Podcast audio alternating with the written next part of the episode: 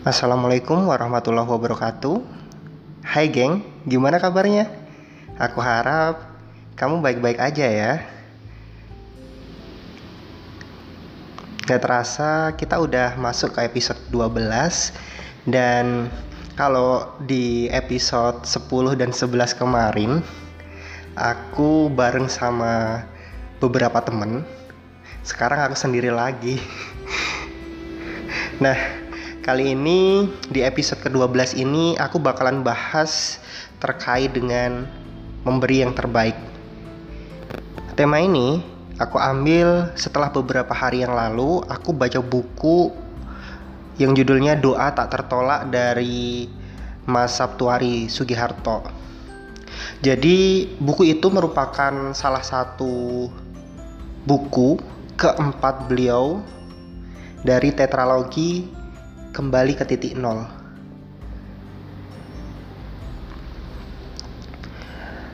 Jadi kalau misalkan teman-teman belum tahu apa itu namanya Kak Sabtuari itu siapa kayak gitu, aku pun juga sebenarnya baru tahu bahwa beliau merupakan salah satu pencut pencetus atau penggagas dari sedekah rombongan ya. Mungkin di antara kamu pasti bakalan tahu sih apa itu sedekah rombongan kayak gitu.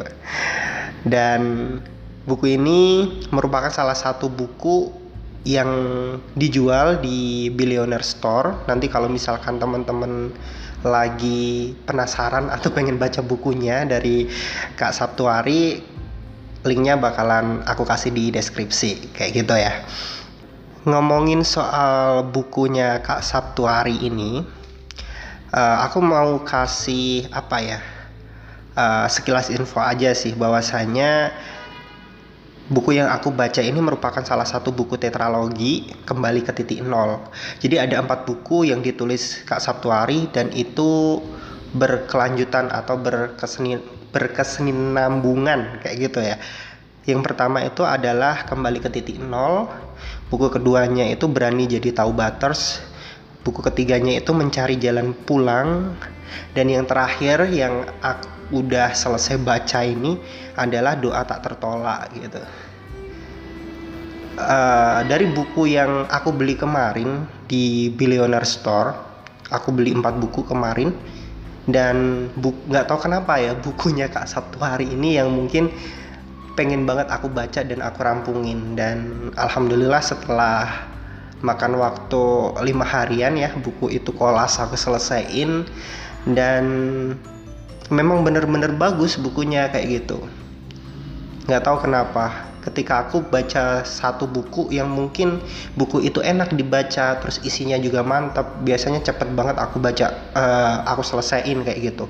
Tapi kalau misalkan udah nggak serak sama tulisannya nggak serak sama pembahasannya kayaknya nggak apa ya agak sulit makan waktu yang mungkin bisa sampai setahun kayak gitu baru aku selesaiin buku itu.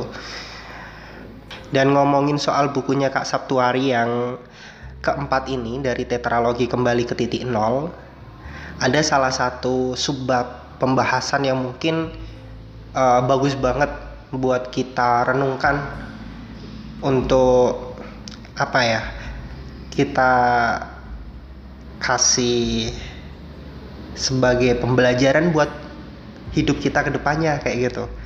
Terkait dengan memberi yang terbaik. Kan kadang mungkin kita sendiri ya kita tahu bahwasanya apa yang kita punya pasti kalau misalkan udah nggak kepake kita baru kasihkan ke orang lain kayak gitu. Dan uh, yang ini beda gitu. Salah satu orang ini yang bisa dikatakan bisa jadi panutan tauladan dan juga contoh beliau ngasih yang terbaik yang dia punya untuk orang yang dia nggak kenal sama sekali kayak gitu.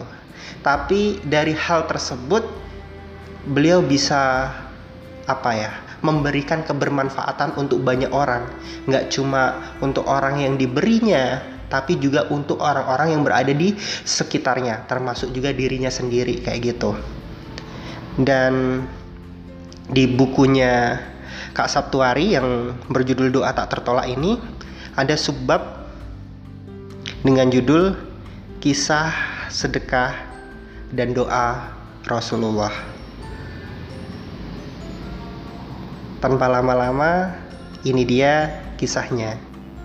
Pada suatu hari, tiba-tiba seorang kakek muncul ketika Rasulullah sedang berkumpul bersama para sahabatnya di dalam masjid selepas mengerjakan sholat jamaah. Wahai Rasulullah, saya sangat lapar. Tolonglah saya. Dan saya tidak punya pakaian kecuali yang menempel di badan ini sekarang. Berilah saya. Sebenarnya, Rasulullah sangat iba menyaksikan keadaan ini.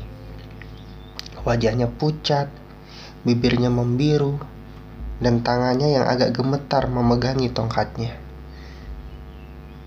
Cuma, kebetulan beliau sedang tidak punya apa-apa. Semuanya sudah habis diberikannya kepada orang lain. Maaf, Pak Tua. Tidak ada yang dapat saya berikan saat ini. Tetapi jangan putus asa. Datanglah kepada anak saya Fatimah. Mungkin ada sesuatu yang bisa diberikannya sebagai sedekah.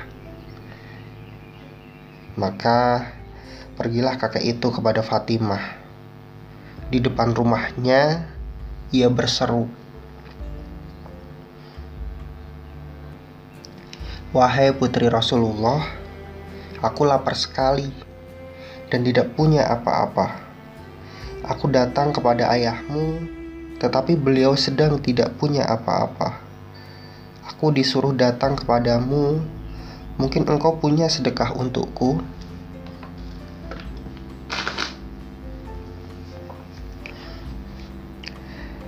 Fatimah kebingungan ia tidak memiliki barang yang cukup berharga untuk disedekahkan. Selaku keluarga Rasulullah, ia telah terbiasa menjalani hidup amat sederhana, jauh di bawah taraf kehidupan rakyat jelata. Yang dianggapnya masih lumayan berharga cuma selembar kulit kambing yang biasa dipakai sebagai alas tidur Hasan dan Husain. Jadi itulah yang diambil dan diserahkannya kepada si kakek. Orang tua itu lebih kebingungan daripada yang memberikannya. Ia sedang lapar dan tidak punya apa-apa. Mengapa kepadanya diserahkan selembar kulit kambing? Buat apa? Sang kakek pun lalu bertanya kepada Fatimah, "Wahai putri Rasulullah, apakah kulit kambing itu dapat mengenyangkan perutku?" dan dapat kupakai untuk menghangatkan badanku? Fatimah pun tidak bisa menjawab. Ia kembali masuk ke dalam rumahnya, mencari benda lain yang pantas disedekahkan. Ia bertanya-tanya, mengapa ayahku mengirimkan orang ini kepadaku? Padahal ayah tahu aku tidak lebih kaya daripada beliau. Setelah termenung sejenak, barulah ia teringat akan seuntai barang pemberian Fatimah binti Abdul Muthalib, bibinya. Barang itu amat indah, namun ia merasa kurang pantas memakainya karena ia dikenal sebagai putri dari pemimpin umat. Barang itu adalah sebuah kalung emas. Buru-buru diambilnya benda itu dari dalam kotak simpanannya lalu diserahkannya kepada si kakek. Orang tua itu terbelalak melihat benda yang kini digenggamnya. Begitu indah, pasti amat mahal harganya. Dengan sukacita orang itu pergi menemui Rasulullah kembali di masjid. Diperlihatkannya kepada beliau kalung emas pemberian Fatimah. Rasulullah hanya berdoa, Semoga Allah membalas keikhlasannya. Salah satu sahabat Nabi yang kaya raya, Abdurrahman bin Auf berkata, Wahai bapak tua, maukah kau jual kalung itu kepadaku? Kakek itu menoleh kepada Nabi. Bolehkah saya jual ya Rasul? Silahkan, kalung itu milikmu, sahut Nabi. Orang tua itu lantas berkata kepada sahabat, Abdurrahman bin Auf. Berikan kepadaku beberapa potong roti dan daging untuk mengganjal perutku dan sekedar biaya kepulanganku ke kampung. Abdurrahman bin Auf mengeluarkan 20 dinar dan 100 dirham. Beberapa potong roti dan daging, pakaian, serta seekor unta untuk tunggangannya ke kampung. Dengan gembira kakek itu berkata, Terima kasih, wahai kekasih Allah.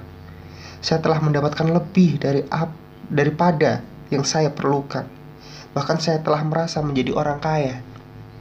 Nabi pun menjawab, Terima kasih kepada Allah dan Rasulnya harus diawali dengan berterima kasih kepada orang yang bersangkutan. Balaslah kebaikan Fatimah. Orang tua itu kemudian mengangkat kedua tangannya ke atas. Ya Allah, aku tak mampu membalas kebaikan Fatimah dengan yang sepadan. Karena itu, aku mohon kepadamu berilah Fatimah balasan dari kehadiratmu berupa suatu yang tidak terlintas di mata, tidak terbayang di telinga, dan tidak terbetik di hati, yakni surgamu, Janatun Naim. Rasulullah menyambut doa itu dengan amin seraya tersenyum ceria. Beberapa hari kemudian, Buddha Abdurrahman bin Auf yang bernama Saham datang menghadap Nabi sambil membawa kalung yang dibeli dari orang tua itu. Ya Rasulullah, ujar Saham, saya datang kemari diperintahkan Tuan Abdurrahman bin Auf untuk menyerahkan kalung ini untukmu dan diri saya sebagai budak diserahkannya kepadamu. Rasulullah pun tertawa. Kuterima pemberian itu. Nah, sekarang Lanjutkanlah perjalananmu ke rumah Fatimah, anakku.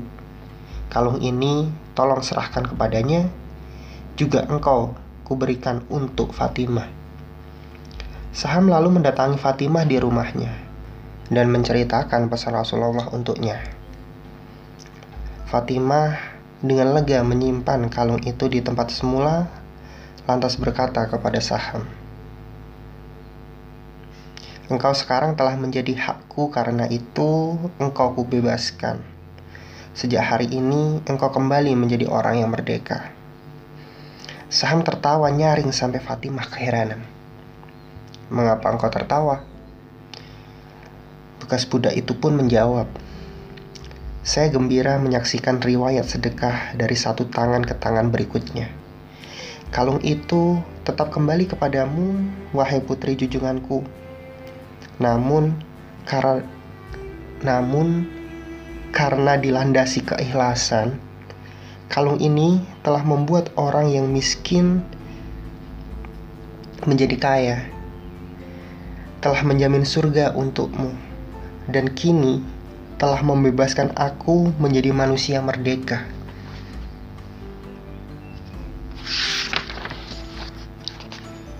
Maha benar Allah yang telah berfirman bahwa di dalam diri Rasulullah terdapat suri tauladan yang baik. Allahumma sholli ala Sayyidina Muhammad wa ala ali Sayyidina Muhammad. Dari cerita ini, kira-kira apa yang bisa kita simpulkan?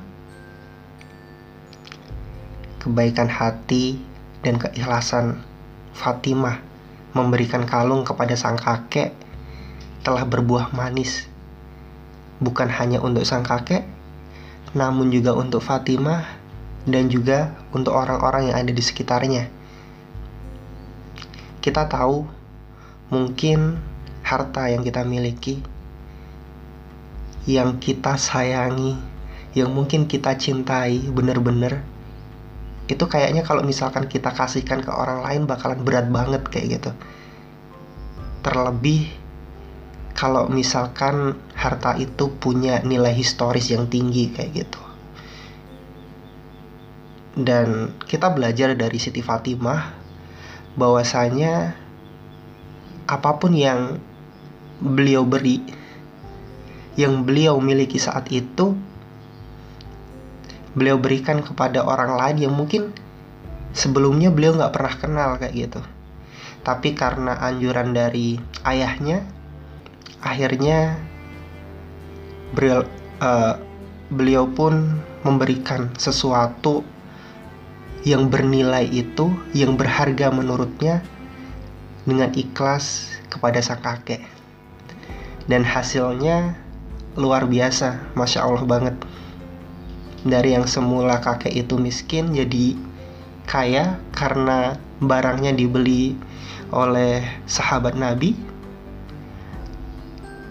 Terus Fatimah pun juga dijamin akan masuk surga karena doa dari sang kakek tadi. Dan budak dari sahabat Nabi Abdurrahman bin Auf yang bernama Saham itu pun juga dibebaskan dan menjadi hamba yang merdeka. Sungguh luar biasa cerita ini. Semoga kita yang mendengar cerita ini bisa mengambil tauladan dan juga hikmah atas apa yang telah disampaikan oleh Rasulullah Sallallahu Alaihi Wasallam. Mungkin itu saja untuk episode ini.